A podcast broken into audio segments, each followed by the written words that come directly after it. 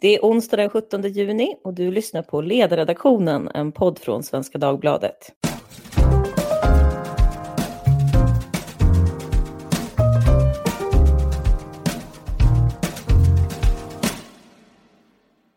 Jag heter Lydia Wåhlsten och idag ska vi ge oss på ett försök att säga någonting om var Sveriges ekonomi befinner sig och vad det innebär. Igår kunde man i Aktuellt höra Moderaternas ekonomisk-politiska talesperson Elisabeth Svantesson säga att vi står i den värsta krisen någonsin. Det fick hon medhåll om, bland annat från Arbetsförmedlingens ganska nya generaldirektör Maria Mindhammar. Myndigheten beräknar en arbetslöshet på ungefär 11 procent i början av nästa år. Det är en historiskt hög siffra. Men vad innebär en så hög arbetslöshet och hade den inte varit ännu högre om Sverige hade slagit in på samma strikta coronastrategi som andra länder? Eller är det tvärtom, att vi borde öppna upp ännu mer, trots att smittspridningen inte är nere än, för att den inhemska ekonomin åtminstone ska kunna fungera bättre? Det ska vi prata om nu. Med oss har vi en debutant i Robert Östling, ekonom vid Handelshögskolan i Stockholm, som också är författare till en ny rapport som heter Saving Lives or Saving the Economy, som ingår i ett stort coronaprojekt som just Handelshögskolan precis har dragit igång. Hallå Robert! Hej! Tack så mycket för att jag får vara här. Välkommen. Vi säger också hej till två gamla godbitar i Torbjörn Holle, ekonom på LO och Jakob Lundberg, chefekonom och även tillträdande TF-VD på Timbro. Hallå! Hej, kul att vara med. Tack så mycket. Innan vi drar igång för idag så såg jag att eh, dagens siffror kom från Folkhälsomyndigheten och eh, då studsar man lite grann på hur många döda som rapporterades in idag. 102 nya. Vi har nu över 5 000 personer som har avlidit i covid-19. Och det nionde sån här sju dagars rullande värdet är 35 personer om dagen. Det har faktiskt ökat lite grann här eh, på sista tiden. Jag tänkte att ni som har jobb att tänka i siffror, eh, ni kanske tänker annorlunda än de som tänker på siffror till vardags. Så eh, hur, hur ser ni på det här antalet döda egentligen, Robert?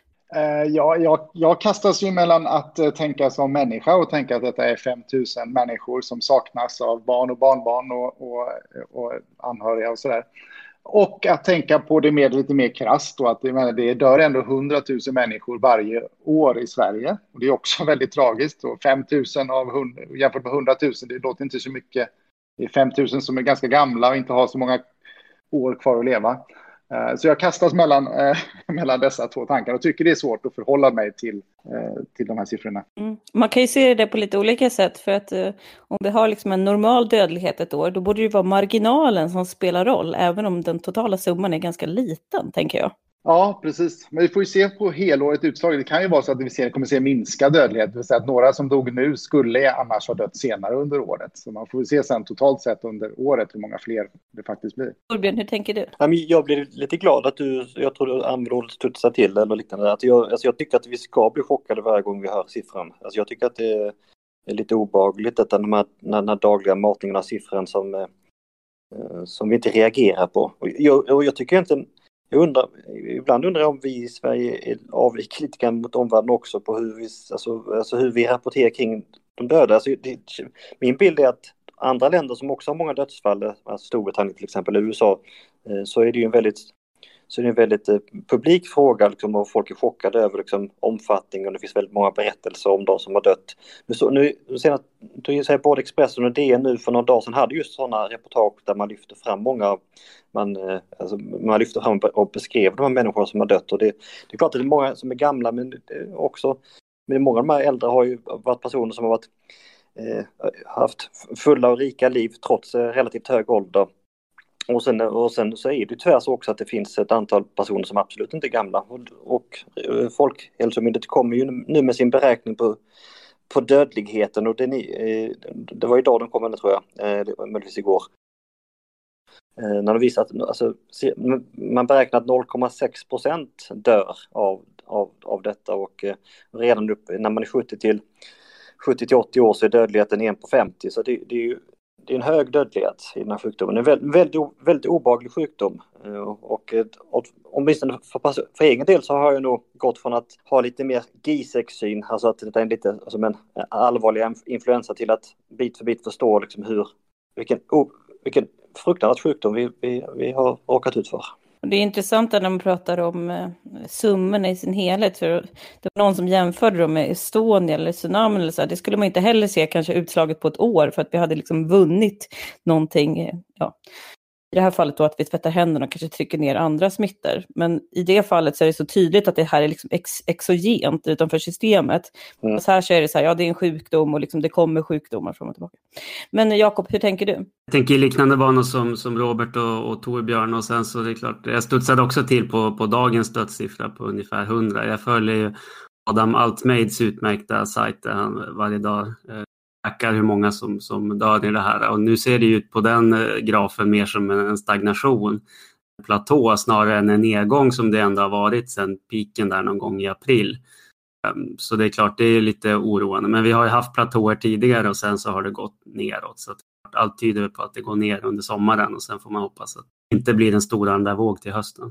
Vi ska ju prata om den här balansen då mellan hälsa och ekonomi idag och innan vi drar igång så måste jag spela upp ett klipp från vår inrikesminister Mikael Damberg. Han gästade Aktuellt den 14 maj och fick frågan då vad han tyckte om svensk strategi. Och då poängterade han då att vi har en bredare hänsyn än just folkhälsa. Vad drar du för slutsatser när det gäller hur väl den svenska strategin har funkat? Ja, men det, det, är ju flera olika delar i det. Eh, strategin handlar ju både om att minska smittspridningen så att hälso och sjukvården ska klara sitt uppdrag. Eh, en annan del av strategin har varit att eh, förhindra att det når sårbara grupper. Där har vi inte varit lika framgångsrika, därför måste vi lära i nästa fas. Och det, det andra är att vi ska hantera den här krisen så att det, det, inte får allvarliga störningar och att det inte bara det drabbar resten av samhället. Både barnomsorg, skola, näringslivets utveckling. Så man måste se på en sån här kris i helhetsperspektiv perspektiv. Så lät det då. Eh, och min första fråga för idag den är känslomässig. 11 procents arbetslöshet nästa år och 200 000 långtidsarbetslösa. Då är min fråga om en slumpmässigt utvald svensk borde vara orolig för den här situationen som vi går mot nu. Vad säger Robert? Jag kanske inte den slumpmässiga lyssnaren här om man ska gå på mina fördomar, vem som lyssnar på den här podden. Men, eh, för att, eh, men däremot en slumpmässig svensk ska nog vara lite orolig för sin egen del i och med att det blir en ganska hög eh, arbetslöshet.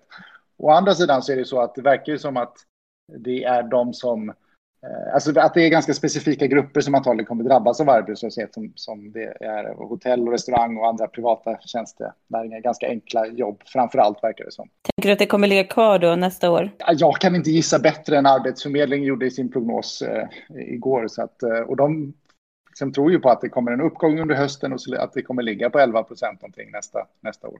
Torbjörn, vilka grupper är det som ska vara mest oroliga här? Jag har faktiskt eh, studerat detta hyfsat noggrant eh, och jag eh, intervjuades för, för veckor sedan i din tidning också om detta.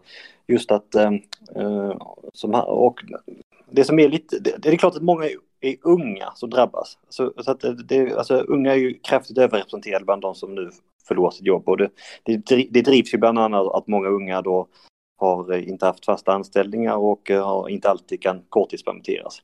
Eh, och att många är unga som jobbar i de här sektorerna som drabbats hårda, media, kultur, besöksnäring, hotell, restaurang och sådär.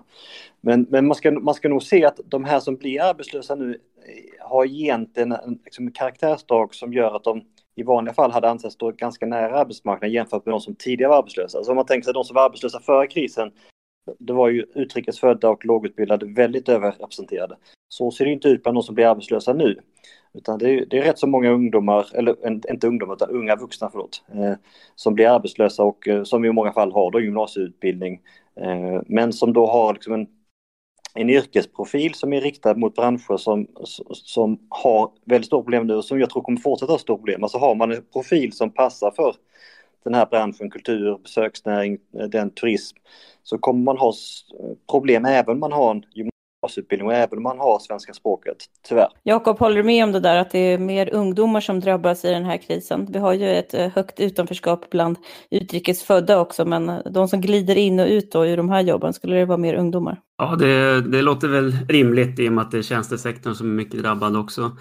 Um, och sen så jag, jag, tänker att det beror ju på vi, liksom hur långdragen den här krisen blir. Alltså om det blir mer som 90-talskrisen där det förloras, jag tror att det var en halv miljon jobb och det tog ganska många år innan man kom tillbaks till den gamla nivån eller om det blir en mer snabb V-formad uppgång. Nu verkar det ju, om man tittar på Konjunkturinstitutets prognoser till exempel, som att det kommer bli en relativt snabb återhämtning. Det, det är ju kvalificerade gissningar. Det är väldigt få som vet hur det kommer utvecklas framåt hösten. Men många bedömare verkar ändå tro på en ganska snabb återhämtning och en inte så fruktansvärt stor ökning av arbetslösheten. Så det, det är ändå hoppfullt. Eh, att om det blir en, även om det blir en, en kraftig nedgång så om det går upp igen sen, då kanske det inte kommer vara så dramatiskt för, för de flesta. Så om du skulle kvantifiera det här då i relation till 90-talskrisen, är det en kvart eller är det en halv 90-talskris vi står inför? I termer av BNP-fall är det väl större, eh, men eh, om man, om man skulle slå ihop BNP-fallet över flera år, det blir svårt att gissa om det blir hälften så stort eller något sånt där. Eller något åt det hållet kanske. Robert, du var ju inne på vilka som lyssnar på den här podden. Då kan jag då avslöja att det är väldigt många unga som lyssnar på podden, eller på poddar generellt då. De var ju faktiskt inte med under 90-talskrisen och har ingen aning om liksom, hur den gestaltade sig. De var inte i arbetskraften, kanske under finanskrisen. Så hur, hur ska de, vad ska de förbereda sig på då i den här krisen?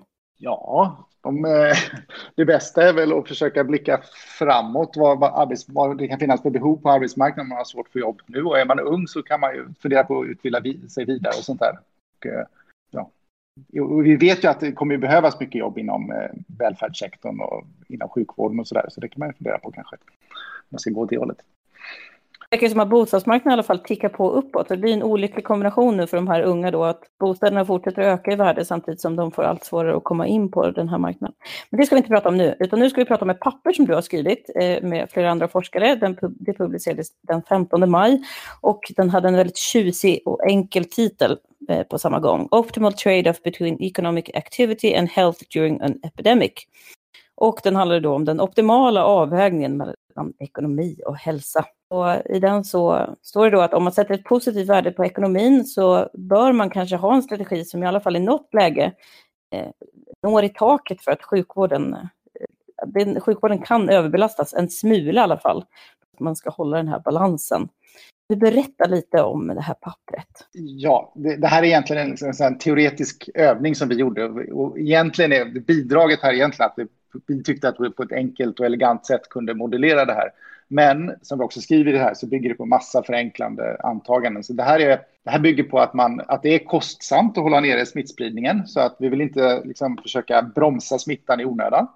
Det är den ena ingrediensen. Den andra ingrediensen är att vi bryr oss bara om att inte överskrida sjuk, eh, sjukvårdskapaciteten. Och ibland är det ju faktiskt de här antagandena som man, det låter som Folkhälsomyndigheten agerar efter, att vi ska platta till kurvan så vi är under sjukhuskapaciteten och sen så vill vi, vi vill inte bromsa i onödan, vi vill inte vidta för mycket åtgärder för det är kostsamt.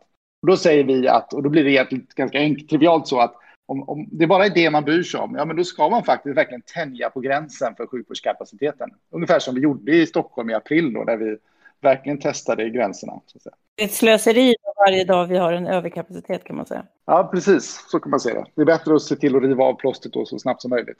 Men hålla oss under kapacitetstaket. Ja, och sen så har du i dagarna här bara presenterat ett nytt papper. Eh, också det med en fin titel på engelska. Eh, Saving the economy or saving lives då, ja, då komplicerar väl du det här lite grann och säger att den här trade-offen inte riktigt ser ut som man i början hade tänkt sig mellan ekonomi och hälsa. Och det här är också någonting som en annan professor, Lars Calmfors, har varit inne på. Han har också gästat den här podden och pratat om det. Men vad är det du säger egentligen i det här nya pappret då? Ja, precis. Min plan var här att sätta det andra i lite kontext egentligen. Och så dels vill jag räkna lite på, bara försöka förstå för mig själv, liksom, hur ska vi värdera alla de här människoliven till, eh, som går till spillo? Liksom, hur högt pris ska vi sätta på dem? Men sen så är det också så, och vilket jag påpekar då, att den här liksom, bilden av att det bara handlar om en enkel avvägning mellan hälsa och ekonomi att det är inte så helt enkelt. För att eh, det är visst, det är väldigt kostsamt att stänga ner hela ekonomin som man gjort nu. Det är enorma kostnader förknippade med det. Men det är också väldigt stora kostnader där smittspridningen är hög. Eh, om smittspridningen är hög, då kommer folk inte kunna gå till jobbet. Vi kommer ha en hög sjukfrånvaro. Folk kommer inte våga gå till jobbet och folk kommer inte gå ut och konsumera. Eh, så det gäller att hitta någon slags balans där.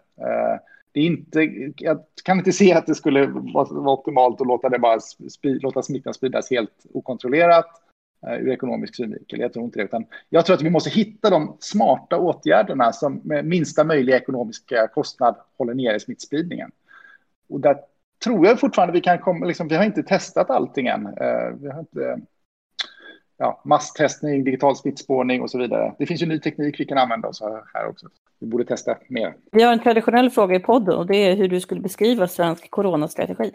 Du har ju twittrat en hel del om det här, men hur beskriver du det för någon som inte är lika intresserad som vi i den här podden? Uh, ja, nej men...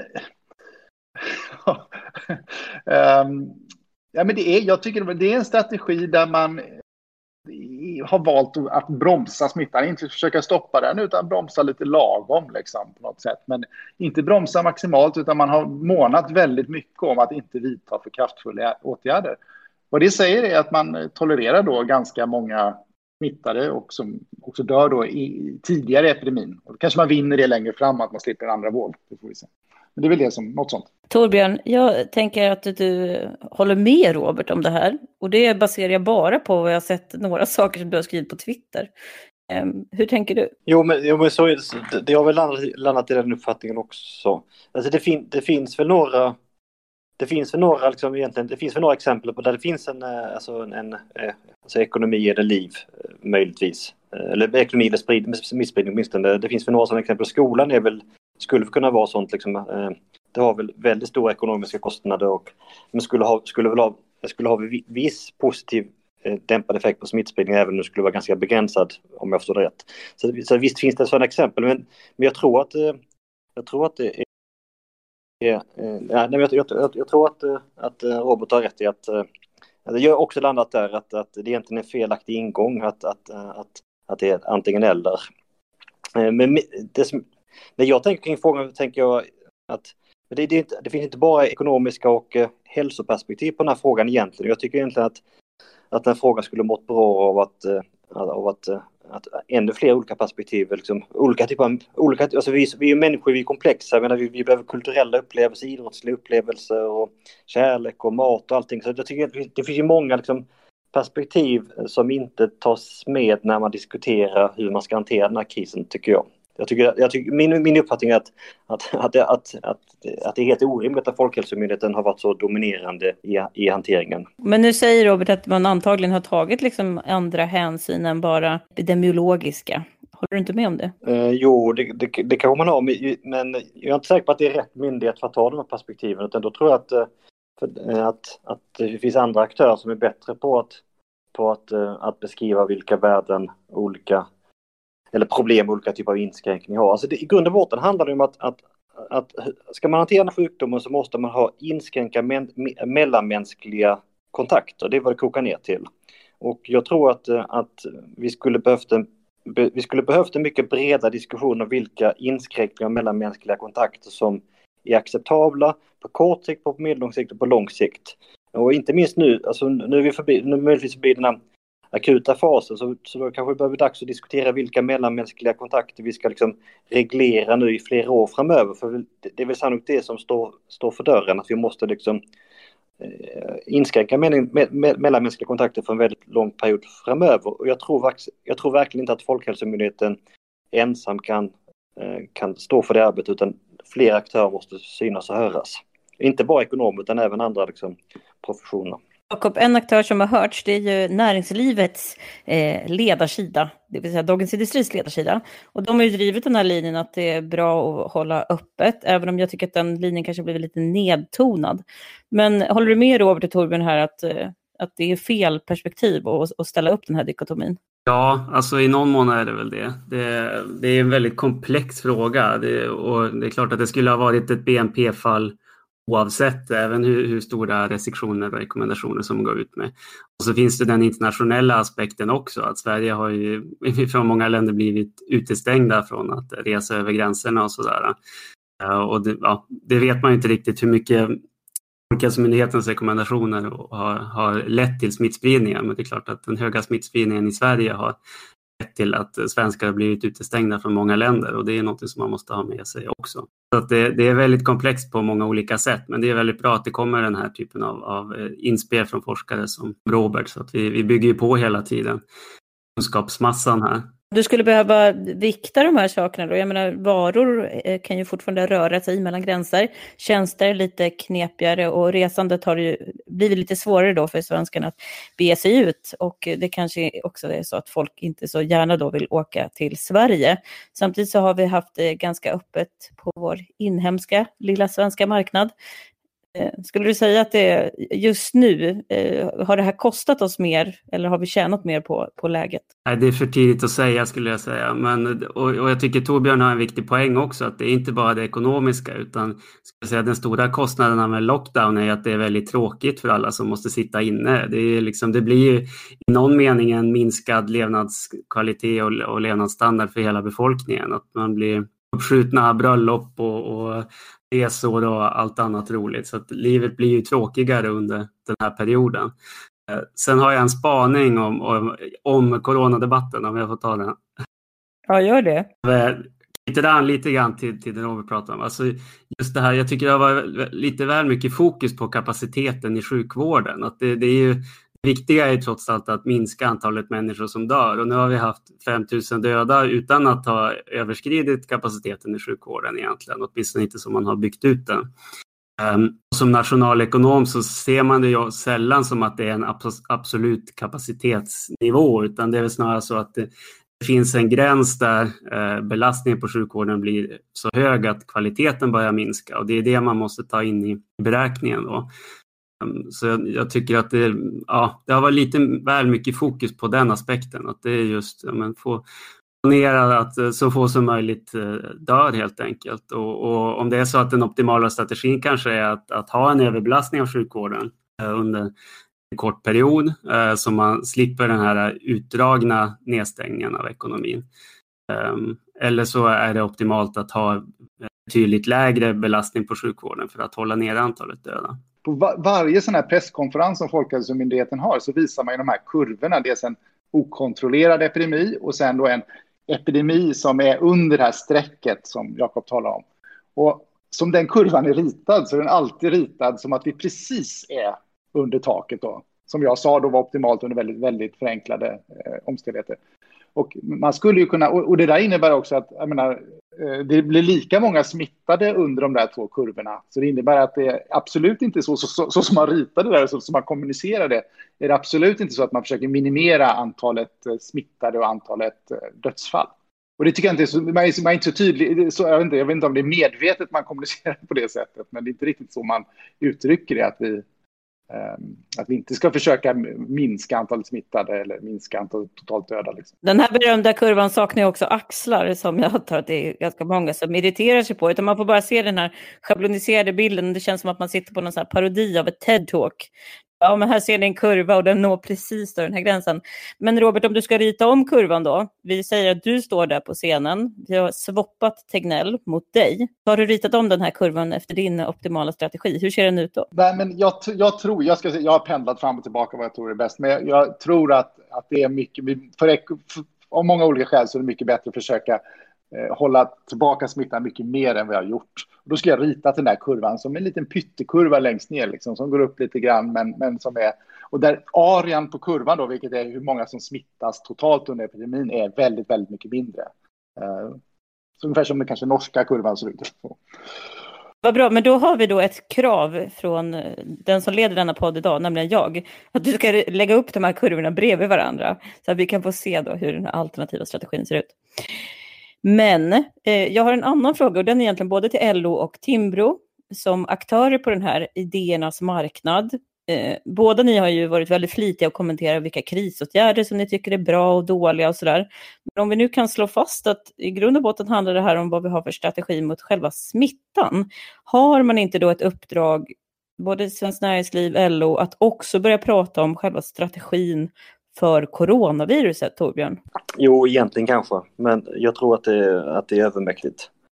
Eh, i, i, alltså, och, och, och, Eh, alltså, jag, jag, alltså, alltså mitt, alltså det som jag försökte, i den mån som jag kan påverka någonting så är, är mitt medskick liksom att, att, att vi försöker liksom alla, alla vi som är aktörer liksom och eh, att vi försöker lyfta fram olika perspektiv så att frågan blöts och, från, och nötts från olika håll helt enkelt. Eh, och, och, och, alltså hur, hur, vi hanterar både själva för att hålla tillbaka smittan men också liksom hur vi hanterar eh, de olika åtgärder vi sätter in eh, nu. Att, liksom, att olika, olika perspektiv kommer, till, kommer fram och eh, det, det, det, från mitt perspektiv, och nu är jag naturligtvis färdig, så är, tycker jag ju att, att, liksom att löntagarperspektivet eh, har varit ganska undanskymt eh, rätt så länge. Nu tycker jag att det börjar skifta lite grann. Alltså det har varit väldigt mycket fokus på börskurs och sånt. Det kanske inte så konstigt för i början så dök ju börsen jättemycket så det var väldigt mycket fokus på det. Eh, men det har inte varit så mycket fokus på alltså, hur hög arbetslösheten är. Alltså, vi, vi är uppe i 9% arbetslöshet redan ju.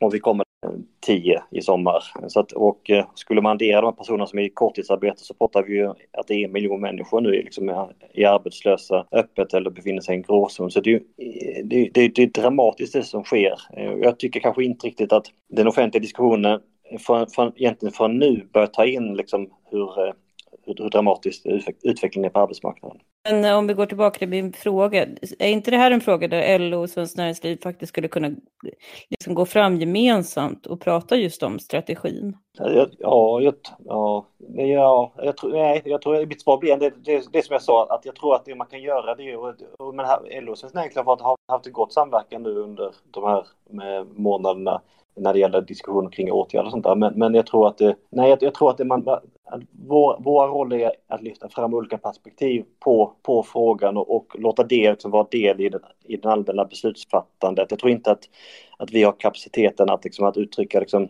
en, en åsikt om vad den ultimata smittskyddsstrategin är, det tror jag inte. Nej. Jakob, vad, vad säger du? Jag tycker att det, det framstår som att man spänner vagnen framför hästen, om man ska säga, när man går in och pratar om de här åtgärderna så vet man inte om de faktiskt löser själva grundproblemet.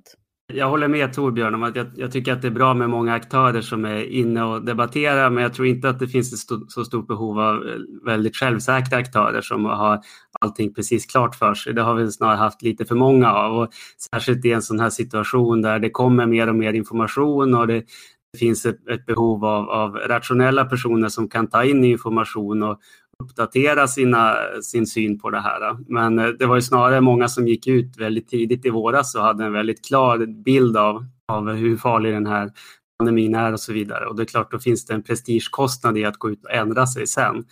Jag tror snarare fler ödmjuka aktörer som kan vara ute och ge sin bild av det här utan att vara alltför tvärsäkra. Menar du att Timbro inte kan vara ödmjuka? Jag, har väl försökt vara ödmjuk i, vi, har inte varit ute särskilt mycket och, och sagt någonting om restriktionerna och det, det, är för att åtminstone jag gör bedömningen att det, det är alldeles för lite information att bygga ett, beslut på. Så att eh, jag, jag duckar gärna den frågan helt enkelt. Eh, men sen är jag gärna ute och diskuterar och så. Men, men eh, jag vet fortfarande inte vilken som är den bästa strategin. Det är för tidigt att säga. Och det är ju faktiskt lika för alla då, att alla har inkomplett information. Och eh, anledningen att jag frågar är att eh, politiken har ju varit ganska frusen. Och nu säger många att jo, men det har varit ett problem för att vi började inte prata om den här strategin tillräckligt tidigt utan det har kommit först nu. Och egentligen är det ju bara Centerpartiet som aktivt har sagt att vi behöver lägga om vår strategi. Och att det då de här aktörerna som, som borde ha funnits kanske inte riktigt har funnits där. Det är därför jag pratar om det. Men Robert, hur ser du på den här frågan? Jag tycker det är väldigt konstigt så som det har varit, att, att det känns som att allting har delegerats till Folkhälsomyndigheten och så ska de göra de avvägningar som ytterst påverkar, alltså påverkar väldigt stora eh, delar av samhället på ett ekonomiskt, men på ett mänskligt och massa olika sätt. Och att de då, en, alltså, som det upplevs i alla fall, ensidigt avgörs av Folkhälsomyndigheten. Samtidigt så tror jag det är så smittskyddslagen är skriven, som att det är Folkhälsomyndigheten som ska fatta de här besluten. Jag vet inte om man riktigt eh, hade sett framför sig vad, vad det kunde innebära så att säga, i en stor pandemi. Eh, så, så, så jag, jag, tycker det är bra med hela den här debatten, men det är lite så här, vart för debatten vägen lite grann när allting då ska in till den svarta lådan Folkhälsomyndigheten och avgöras där. Det, det är ju lite konstig situation som vi inte är så vana vid. Vanligtvis är vi vana att vi har en debatt och en politisk diskussion som flikar in där och så fattas det ett beslut baserat på det. Det har ju kommit lite så synpunkter från akademin får man säga, eller olika nationalekonomer. Men, men tycker du att eh, LO, Timbro, Svenskt Näringsliv, de här typerna av aktörer skulle kunna spela en större roll? Ja, nej, jag, jag, jag passar nog faktiskt. Jag har inte tänkt så mycket på vad, vad LO och Timbro borde ha gjort så att säga. Men, eh, eh, men däremot så tycker jag det är konstigt som sagt att vi inte har haft, men jag tycker vi har haft väldigt lite, framförallt politisk debatt om detta och det tycker jag är väldigt konstigt. Så kanske hade det varit bra om LO eh, och andra aktörer hade drivit på ännu lite mer för att vi skulle få upp det på det politiska planet tidigare. Fick ju det här kravet på att det skulle sättas ett datum ganska tidigt. Det kravet försvann lika snabbt som det kom i princip. Det, men det var ju väldig osäkerhet om hur länge. Nu börjar det nog klarna för de flesta av oss att det här kommer vi leva med ganska länge. Men då i mars så tror jag att, om vi, vi sa förut att de där kurvorna som Folkhälsomyndigheten visar eh, inte har några axlar, det står ingenting på axlarna. Det står ingen tidsdimension på axeln heller. Och att, jag tror att det är många då i mars, början på mars, levde i föreställningen att det här kanske är kanske handlar om veckor, kanske månader. Jag tror väldigt få som tänkte på att det kunde vara liksom, årshorisonter där. Liksom. En, en anslutande fråga där som är lite intressant är ju börsen. Eh, då säger man att börsen återhämtar sig ganska bra och sådär. Vad gör ni, ni för analys av det? Är det bara stimulanspaketen som har kickat in eller hur ska man tolka börsrörelserna? Björn? Ja, det, det är väl åtminstone en, en central, en, det är massa pengar som åkt ut som måste ta vägen någonstans. Sen liksom ut, utbud, efterfrågan liksom, eh, grej. Eh, och, och, och jag, jag sitter, jag sitter i en pensionsstiftelse så jag noterar att eh, liksom, så att jag håller ett öga på det också och, och i och med att men, men min huvud, huvuduppgift är att hålla koll på arbetsmarknaden så att jag tycker det är två helt olika världar liksom. En börs som går ganska bra och en arbetsmarknad som som, är, eh, som, är, som ser, där ser väldigt illa ut. Eh, så att jag tycker det är lite, lite schizofrent närmast. Eh, alltså än en gång, alltså, det som sker på arbetsmarknaden nu det, det är dramatiskt. Alltså, det är en, enorma människor som inte, som inte befinner sig i arbete. Alltså, utöver de här personerna som är öppet arbetslösa, de som är korttidsarbete, så ska man också veta att, att, vi, att, att det, dessutom har vi, är det många som nu har gått ner i arbetstid för att man är sjukskriven eller vabbar och liknande. Så att det, vi, arbetsmarknaden är, är dramatiskt påverkad men börsen lever sitt eget liv helt enkelt. Det kanske gör att vi kan rulla över till dagens sista fråga. Apropå att det är många som redan har drabbats av den här krisen så tänkte jag höra om ni fick eh, önska några reformer här och nu och kanske också på sikt. Eh, vad skulle det bli då, Jakob?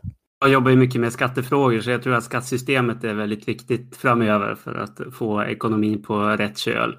Eh, och till exempel så tror jag att sänkt bolagsskatt skulle kunna vara en bra lösning för vi vet att det spelar roll för hur lönsamt det är för företagen att investera och det kommer ju vara väldigt viktigt efter det här att, att få igång investeringarna. Så om jag ska säga en grej är det väl det. Hur viktigt är det att eh, sänka a-kassan igen? Det är också väldigt viktigt. Det finns väldigt tydligt forskningsstöd på att ju högre a-kassa man har desto högre blir arbetslösheten. Så eh, det, det, kommer bli en politisk utmaning men det, det man definitivt sänka tillbaka. Och även att strama åt eh, sjukförsäkringen så att man kan få ner sjukförsäkringstalen. Björn? Att, att, att strama åt sjukförsäkringen i en tid när vi vill att smittade personer ska hålla sig hemma och inte gå till jobbet. Det verkar ju jättedumt. Det verkar ju det verkar helt vansinnigt att göra det. Men, men annars så, eh, det som jag skulle helst se eh, det är en, ett, ett, en en strategi för att yrkesväxla. Alltså för att som jag sa innan så är det många som, som nu blir arbetslösa är personer som egentligen, de är ganska unga, många har gymnasieexamen men, men de har liksom en yrkesprofil som är fel. Alltså de är riktade mot besöksnäring och eh, fysisk handel och turism. Det är det branscher som kommer ha problem i lång tid framöver. Eh, så jag tror att de här behöver hjälp att växla över till yrken med, med bättre framtidsutsikter, inte minst, eh, inte minst inom välfärden såklart. Och då behöver man både utbildningsplatser men också liksom studies, studiemedel som gör att, att man, att man liksom har råd att göra den här eh, yrkesväxlingen. Det, det, det skulle vara den bästa insatsen tror jag. Höjda studiemedel helt enkelt. Ja, eller åtminstone att, att, att, om du har varit ute och jobbat ett, några år, du, när du är kanske 20-30 års åldern, eh, att du då kanske får en, ett, en studieersättning motsvarande vad du hade haft i a-kassan under förutsättning att du läser till ett bristyrke, alltså inte, inte fritt, att du ska inte kunna läsa till vad som helst, men att du läser till ett, till ett, eh, ett, ett bristyrke, till exempel undersköterska som vi vet är jätteefterfrågat kan du nog få med dig Svenskt Näringsliv. De brukar vara pigga på det här med att vi ska optimera utbildningen efter marknadens efterfrågan.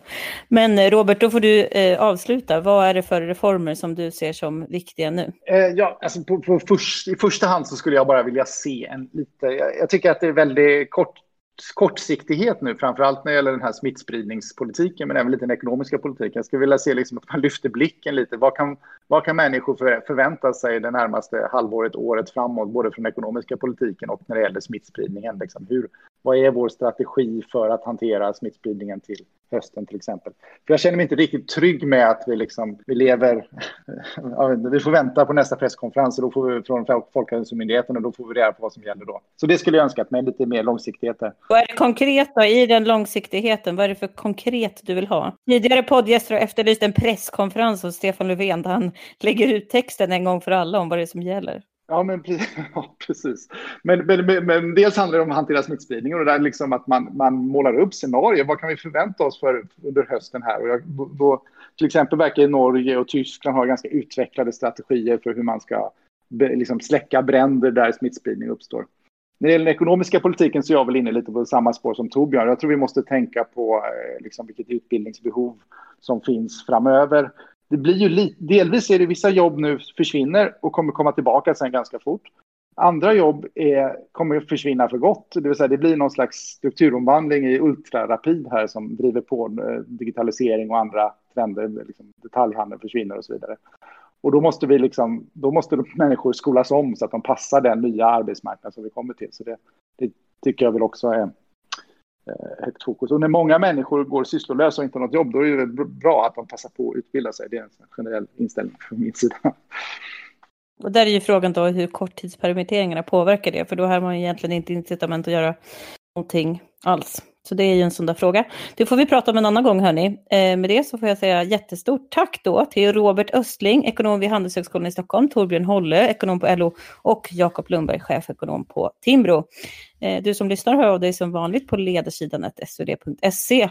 Och eh, sen så, så ska ni inte missa podden imorgon, för då gästas vi av Centerpartiets Anders W Jonsson, som är en av få då som har efterlyst en ny coronastrategi. Och jag tänkte fråga honom vad det var som gjorde att Centerpartiet landade i den slutsatsen. Tack för idag!